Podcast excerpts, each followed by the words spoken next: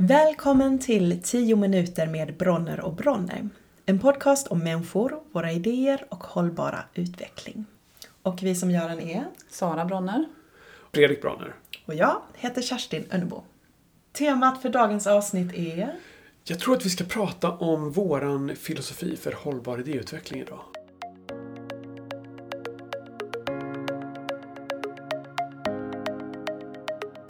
Eran, ni två alltså som har gjort en ny filosofi. Mm. Visst låter det storvulet? Ja, är det storvulet? Både och. eh, För att det, egentligen är det inte så krångligt och svårt. Samtidigt så är det ju så få idéer idag som går i linje med det som vi tycker att man borde göra. Så att det är väl ändå lite, jo, den, den känns viktig och relevant.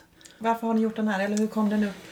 Vår erfarenhet i yrkeslivet i liksom 25 år vardera, eh, vi har sett så mycket ohållbara idéer. Så oerhört många ohållbara affärsidéer. Och vi ser ju dessutom konsekvenserna, resultatet av dem på en global nivå, hur det ser ut med den, den stora ekologiska krisen vi har i, i, på planeten. Och det är ett resultat av att vi har utvecklat idéer, var egentligen bara ett enda fokus och det är att, eh, att tjäna pengar på våra idéer. I stort sett, det är få undantag såklart. Men, Eh, så att vi ser ju nu att om vi ska försöka att eh, förändra utvecklingen som den är idag, då, måste, då har vi liksom inte plats för fler ohållbara affärsidéer. Det finns, det är slut, det är tomt liksom, eller det, det finns inget mer utrymme. Så att alla idéer som växer fram idag måste ju hålla sig innanför planetens gränser och också bidra till att människor, naturen och andra levande arter får ett, ett bättre liv. När vi säger måste, det är ett starkt ord, måste, men det är ju, utgår ju från grundantagandet att, ja, att människan vill vara kvar på jorden. Annars kvittar det ju lika. Om vi tycker att det kvittar lika, då behöver vi inte alls göra det här. Nej, men vi utgår från att, att vi vill det. Ja. Så att, eh, då behöver vi göra något annorlunda. Ja, Då får du presentera den här filosofin, Fredrik. ja ehm, som Sara var inne på. Ensidigt ekonomiskt tänk har tagit oss till en plats där vi har åsamkat massor av skador med de idéer som vi har utvecklat hittills. Massor av bra saker också, men också massor av skador. Till exempel så måste en miljon svenskar idag äta SSRI-preparat för att orka med sin vardag. Då har man ju, ju det har uppstått någon slags meningslöshet i samhället. Så därför är då mening ett perspektiv som vi vill ta in i all idéutveckling. Att idén i sig måste vara meningsfull för den som gör den. Och nu, nu är alla bara, men det är väl ingen som gör meningslösa saker? Jo, det är det ju. Jag får inte det jag behöver. Med, med jobbet känns tråkigt, jag utvecklas inte. Och det är ma- massor av saker som gör. Plus att man ibland inte alltid är medveten om det heller. Nej. Det finns många människor som inte riktigt kan se klart på sig själva och se att vad de saknar egentligen. Precis. En, en känsla av mening. Utan istället så kanske de kompenserar då med annat, kanske materiellt för att Precis. lindra det. Och det är olika. Det är så väldigt olika. Jag till exempel, själv, för jag är pacifist och vegan och så här, Jag har svårt att förstå hur man kan känna att det känns meningsfullt att åka till jobbet och eh, eh vara ingenjör och rita en ny missil. Alltså som ska ta livet av människor. Jag har jättesvårt att förstå vad meningen i det ligger. Men det vi vet eh, av teologi och filosofi och psykologi och sådär, det är att meningen uppstår när vi får relatera till andra människor. Så att vi behöver ha idéer som relaterar till andra människor och gör bra saker för andra människor. När vi utvecklar nya idéer. Så är Och det det var ettan, meningsfullhet. mening. Men vi måste också skapa samhällsnytta, det vill säga att, att idén behöver komma samhället till gagn i stort. Det vill säga att den behöver göra livet bättre för många människor. Och den behöver absolut inte göra livet sämre för några människor. Eller den får inte göra det. Det vill säga vi ska inte med vår idé driva till eh, ökade klyftor, diskriminering eller att människor någonstans hindras från att få sina behov uppfyllda. Så att idén ska i sig vara samhällsvänlig. Du har en idé som känns meningsfull. Den är också bra för andra människor. Alltså den är bra för det mänskliga kollektivet. Så. Då kommer den tredje nyttan och här failar vi ju jättehårt historiskt. Det är att den ska vara bra för planeten också. Och vad då bra för planeten? Vad är det för flum? Det är ingen flum alls. Det är naturvetenskap. Smutsar den ner vattnet? Smutsar den ner luften? Bidrar den till global temperaturhöjning eller inte? Typ så. Hur många utsläpp genererar din grej? Och hur påverkar den klimatet? Eh, idag så pratar vi fortfarande, man får en guldstjärna, man får gå på galamiddag om man minimerar sitt avtryck. Om man har en bra, cool strategi för hur man ska åsamka så lite skada som möjligt. Eh, det duger inte. Vi behöver ju åsamka ingen skada. Och faktiskt föra tillbaka nytta. Därför att vi har utarmat matjordar, utrotat arter och sådär. Så att vi måste börja föra tillbaka världen till jorden som vi har tagit ut. Vi har övertrasserat kontot kan man säga. Och så det är det tredje perspektivet. Vi kallar den för ekologisk nytta eller för planetnytta. Då.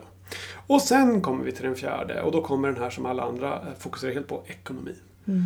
Och då tänker vi att vad det handlar om här egentligen är att du ska lära dig hushålla med dina resurser och andras. Så att du inte bränner allt krut för tidigt. Det ska vara, måste ju då förstås vara det som vi pratar om nu 2020, cirkulärt. Cirkulär ekonomi.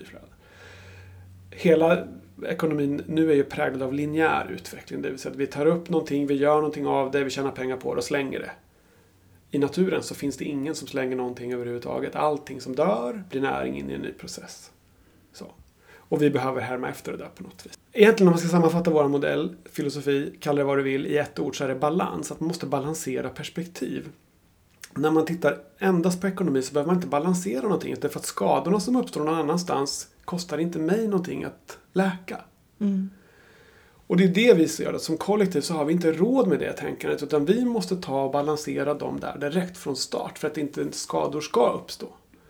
Och då behöver det vara meningsfullt. Det behöver vara samhällsnyttigt. Det behöver faktiskt vara nyttigt för planeten.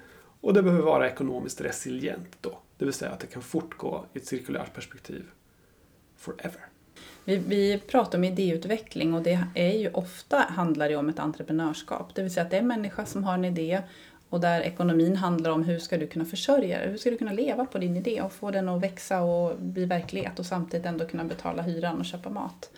Men det är klart att idéutveckling är ju någonting mycket bredare. Så det kan ju finnas och pågå och gör det redan idag på massa olika ställen i samhället, överallt. Liksom I stora organisationer, offentliga organisationer, i idrottsföreningar och i kulturföreningar. Så att, så att idéutvecklingen är jätteviktig. Men vi, jag och Fredrik jobbar ganska mycket med entreprenörer och entreprenörskap. Så att då, där handlar ju ekonomin väldigt ofta om att hur du kan försörja dig.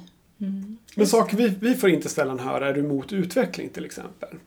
Det handlar ju inte om det, utan det, men, men utveckling måste ju vara nyttig. Alltså utveckling som är skadlig, ska vi ha det? Är det bra?